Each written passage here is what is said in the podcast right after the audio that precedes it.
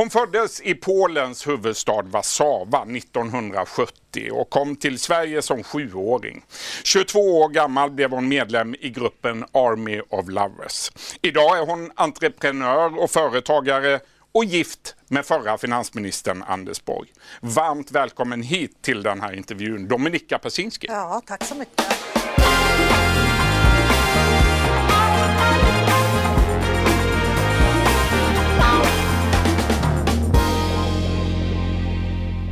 Dominika, 1977, då var du sju år gammal. Men varför måste man prata så mycket om det? Jag Ja, men det är ju lite ja, det var spännande. jag. Det var, jag var det. Du trodde att familjen skulle åka på solsemester till Grekland. Istället hamnade ni i Sverige. Ja, och jag- jag var ju ganska oförberedd för det för jag trodde verkligen vi skulle till Grekland. För att eh, man fick ju inte fly från Polen, flytta från Polen och mina föräldrar var så rädda att jag skulle försäga mig på dagis. Och, så att då hade de sagt till mig att vi skulle på solsemester i Grekland och vi hade packat alltså, ut, utifrån det, alltså luftmadrasser och hink och spadar och sådär. Sen var det väldigt kallt och det var inte alls solsemester. Det var inte särskilt Det var trevligt. höst i Stockholm helt enkelt och, och väldigt kyligt. Och de här luftmadrasserna fick vi ju sova på och, och inte guppa i Medelhavet. Så Du, vet jag fort, det är fortfarande ingen som rakt ut har sagt att vi faktiskt inte är i Grekland utan det har jag listat ut Det har allt du listat ut eftersom. sen. Ja. Din judiska mamma Natalia var matematiker på universitetet. Mm. Pappa Bogdan var civilingenjör och de bestämde sig för att fly från det kommuniststyrda och antisemitiska Polen. Ja. Eh, Hur är det att vara judinna i Sverige idag då? Nej men alltså jag tycker inte att, jag personligen märker ju inte av några antisemitiska strömningar mer än att jag läser om det på nätet och sådär. Jag vet ju att jag förekommer på olika sådana här sajter och så, men det är ju aldrig någon som är otrevlig mot mig så att säga. Så det där är ju lite dubbelt. Jag vet att det finns men det är inget som liksom drabbar mig som person. Det sy- jag är ju inte liksom, man ser ju inte, jag går ju inte, jag har ju inte de här ortodoxa kläderna och sådär. Så det, det är väl lite... Vad tänker du att det ändå finns om att det finns antisemitism utbredd i Sverige Ja, jag, 2019? jag, jag tillhör ju den här sorten som tror att det inte riktigt finns. Du, du- vet vad det är för sort? Ja, det finns som någon slags fenomen i ytterkanterna. Men jag försöker alltid intala mig att allting är väl. Men du kanske vet mer än jag om det. Eh, om att inte, att det är ganska utbrett. Ja, vi hör ju framförallt om händelser i södra Sverige och jag undrar lite hur du reagerar när du får läsa om det. Ja, Det är klart att jag blir ledsen. Och jag har ju också två judiska barn och blir orolig för deras framtid naturligtvis. Liksom. Och att, eh, ja, det här har ju, kan man ju säga, jag har ju ställt till med detta för dem. Att de har en judisk mamma liksom. Men ja, Du är tillbaka till din egen barndom då. Det sägs att du lärde dig läsa som treåring och när du var fem räknade du matematik som var anpassad för elvaåringar. det var min mamma sagt. Ja. Sen så kanske inte det riktigt stämmer. De kanske överdrev lite. Men jag gick på sån här dagis som var progressivt. Där, som var könsneutralt redan då liksom.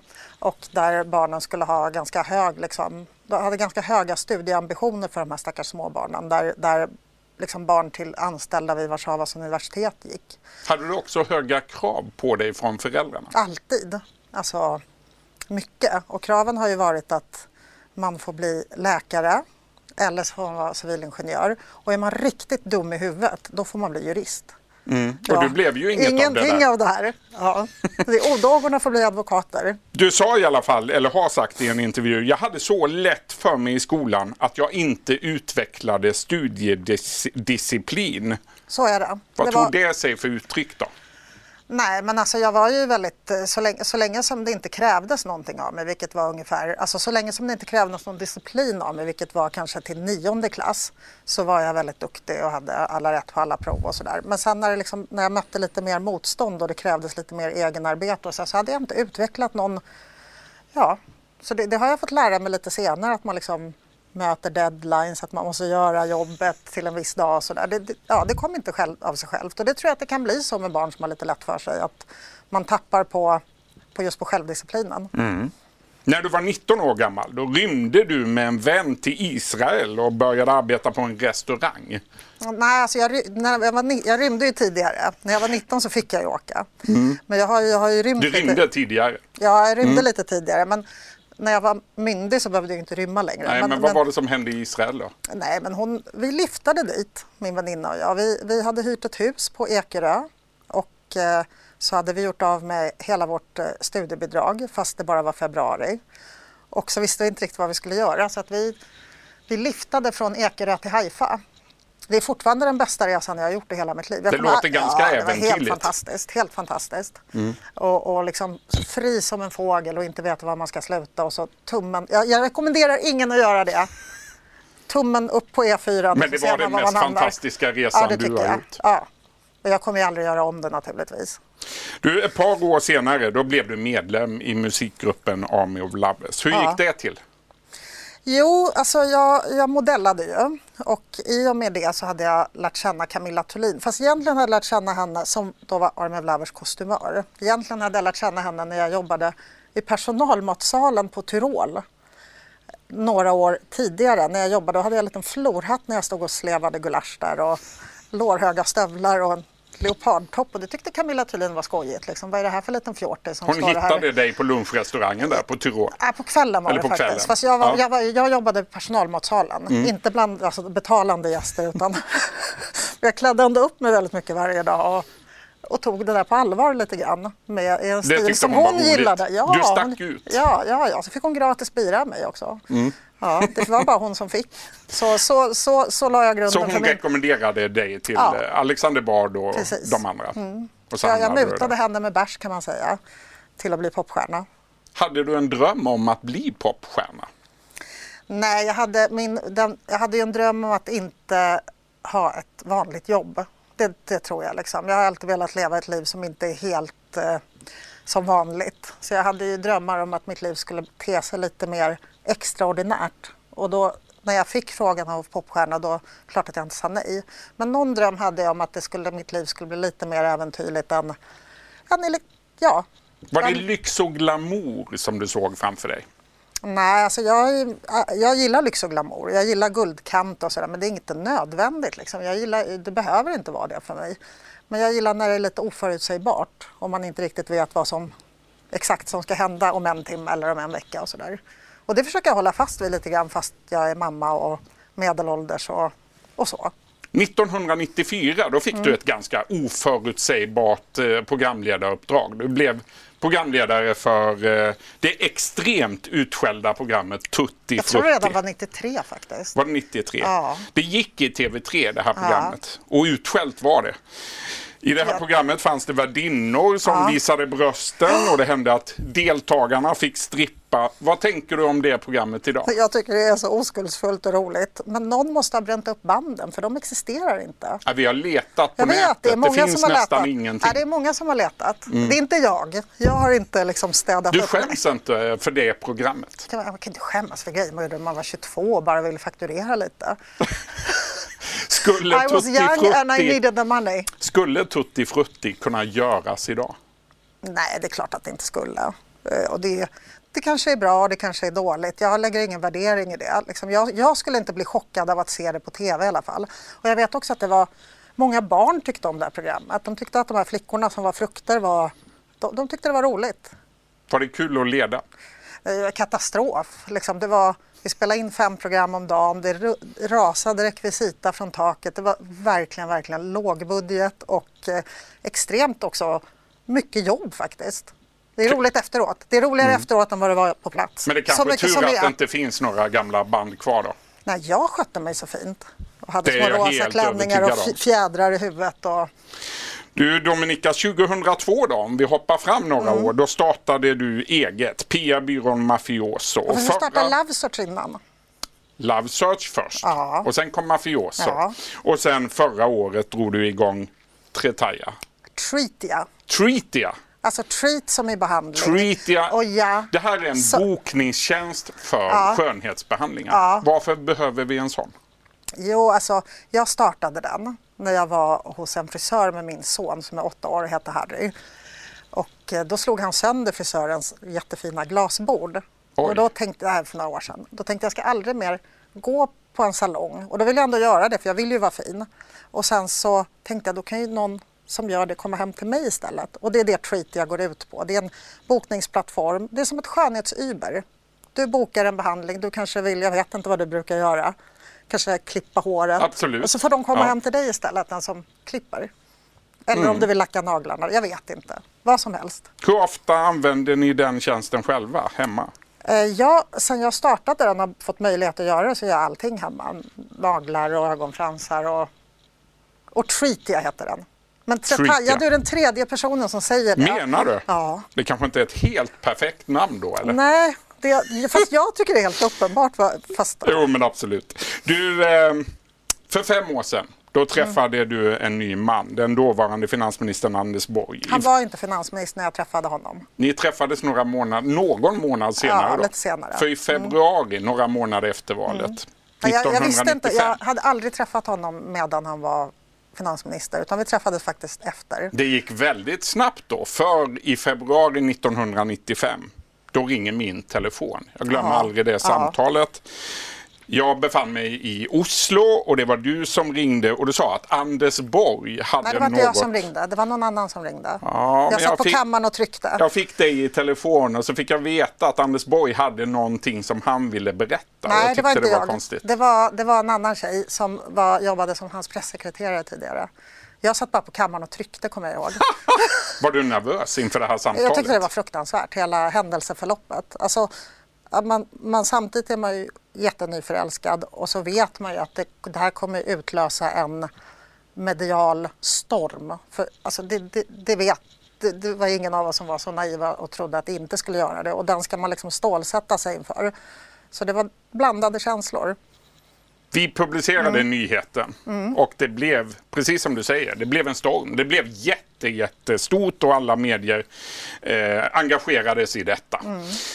Eh, och du har sagt att ni fick väldigt mycket kritik och nedsättande kommentarer i början. Var det Ja, så? framförallt så var det nog jag som, som, som fick det. Som jag tyckte jag framställdes lite grann som någon slags femme fatale, en, eh, jag vet inte, Carmen av något slag. Och jag kände inte riktigt igen mig i, i bilden av händelseförloppet där jag skulle ha förlett en oskuldsfull karl för det var inte så det gick till. Men, men eh, det var lite så. Jag, jag kände inte igen mig i, i beskrivningen av dels vår relation, dels av oss två som personer och förvånades också över att folk kunde ha... Jag förstår att det finns ett nyhetsvärde, jag är inte liksom naiv, men jag förstår inte utrymmet för tyckande. Det fattade jag inte riktigt, varför man skulle ha en uppfattning om att någon Och det hade väldigt någon. många. Många hade en uppfattning, vilket jag tycker är en helt annan sak än att berätta att detta har hänt, vilket är helt självklart. Liksom. Mm. Men just där, jag tycker inte att de ska vara ihop, jag tycker inte att de passar ihop. Hur kändes Vem det att höra det utifrån? Jättekonstigt. Alltså, jag kan Blev du sitta ledsen? Blev du... Ja, jag hade, hade nog en liten, jag var nog ganska ledsen ett tag där. Återigen jätteblandade känslor för man är mitt uppe i en liksom förälskelse. Och så samtidigt det här, jag var ganska knepig liksom. Mm. Hur gick det till då, när du och Anders träffades? Vet du att det kommer jag spara till min biografi. Som kommer som jag då? skriver nu, som Du, kommer det i är vår. den som kommer nästa- Ja, nästa Oj. vår. Som heter Jag gör som jag vill. du och kan avslöja avslut- någonting nej, litet. Nej, nej. Nej, jag kommer tillbaka. Vad gör jag då? du Ja. är välkommen tillbaka när boken kommer ut. Eh, Dominika, ni har varit gifta i ett år nu. Ni Mm. bor i en stor lägenhet på Östermalm i Stockholm. Eh, och, ehm, Det är ett hopp från det där eh, kontorsgolvet med luftmadrassen på. ja, som var det som mötte er när ni kom till Sverige. Sverige, ja. Vad är det bästa med din make Anders Borg? Han är väldigt snäll mot mig. Eh, Han, han är ju stilig också. Eh, Han, han, det, det är inget fel på, på järnverksamheten om man säger så. Men han har väl det mesta som i alla fall jag vill ha hos en karl. Var det rätt av honom att ta bort hästsvansen? Det gjorde han långt innan jag kom in i bilden. Borde han skaffa tillbaka Han har ju fått ett framsvans istället nu i form, i form av ett skägg. Så det kanske är så med åldern, liksom hästsvansen försvinner så skaffar gubbarna ett skägg istället. Du, eh, när han för några dagar sedan bjöd in till releasefest för sin bok Finansministern, då sa han att den här boken hade aldrig kommit till om det inte var för Dominika. Och så gav han dig en kärleksförklaring inför alla människor där hemma. Hur kändes det? Ja, det var jättegulligt, men det är lite sant också för jag, han ville ju inte skriva någon bok. Eh, fast jag sa att nu, nu, nu Du måste... fick övertala honom. Ja, ja. Hur delaktig var du sen under processen Nej, då, när boken har, växte fram? Inte alls. Alltså, jag har varit delaktig, vi har ju pratat och så, men jag har inte velat liksom, hamna i korrekturläsarträsket. För då tror jag att det, då har man en skilsmässa som ett brev på posten. Så det, någon annan får liksom lägga sig i själva texterna. Vad tycker du om hans bok? Jag tycker den är jättebra. Jättebra. Jätte, jättebra. Den är precis så tillgänglig och så förklarande som jag tycker att en bok av honom om denna period ska vara. Jag är väldigt nöjd med den. Som sagt Dominika, nu kommer snart din egen bok då, en Ja. självbiografisk sådan. Hur långt har du kommit? Ja, men jag är nästan klar. Jag, har ett, jag, jag kommer vara klar om, om några veckor. Och förutom att vi får läsa om kärlekssagan då, Ja. vad får vi mer läsa om? Ni får läsa om alla tokigheter, om otrohetssajter, om tuttprogram, allt sånt där som du vill läsa om. Och ni, folk vill, det kommer, men det kommer liksom lite djupare betraktelser av tillvaron som invandrare i Sverige och sånt också. Så det, men det, det, det kommer, man, man kommer mest skratta. Det ska bli En spännande att läsa den. pikaresk liksom, bok, en pikaresk, som Don Quijote fast tjej liksom. Kommissarie Clouseau, Papphammar.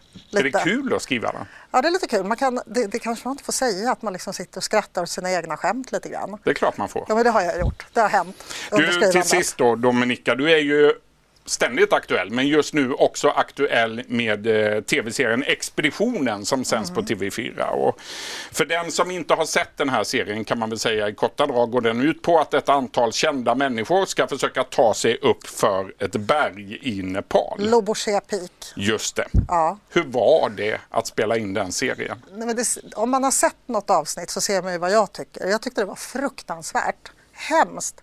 Alltså, Jobbigt, jobb- svårt. Jobbigt men också liksom väldigt eh, skräckinjagande med de här stupen och såna här jättekonstiga hängbroar som är 20 centimeter breda. Jag tyckte det jag fick med därifrån, jag fick ju sova i tält för första gången, jag har aldrig sovit i tält. Va? Har Nej, du aldrig nej. sovit i tält? Nej, det säger, tycker alla Hur kommer konstigt. det sig? När ska jag göra det? Ska jag göra det på, jag vet inte, vid Slussens tunnelbana? Eller vad, när ska jag sova i tält egentligen? Jag har inte sådana preferenser. Nej. Men nu har jag ju sovit i tält och jag har sovit i tält med Väder-Nils. Så det är liksom min... Jag, jag mötte Lasse moment. Hur var det? Det är jättebra, han är ju scout och meteorolog. Det Så du kan- kommer att sova mer i tält med Anders också jag framöver? vill, han vill inte. Han vill Nej. inte. Dominika Paczynski, stort tack för att du kom till studion idag. Välkommen tillbaka när din bok har kommit ut. Tack så mycket. Du har lyssnat på en podcast från Expressen. Ansvarig utgivare är Klas Granström. Ett poddtips från Podplay. I fallen jag aldrig glömmer djupdyker Hasse Aro i arbetet bakom några av Sveriges mest uppseendeväckande brottsutredningar. Går vi in med hemlig telefonavlyssning och, och då upplever vi att vi får en total förändring av hans beteende. Vad är det som händer nu? Vem är det som läcker? Och så säger han att jag är kriminell, jag har varit kriminell i hela mitt liv men att mörda ett barn, där går min gräns. Nya säsongen av Fallen jag aldrig glömmer på Podplay.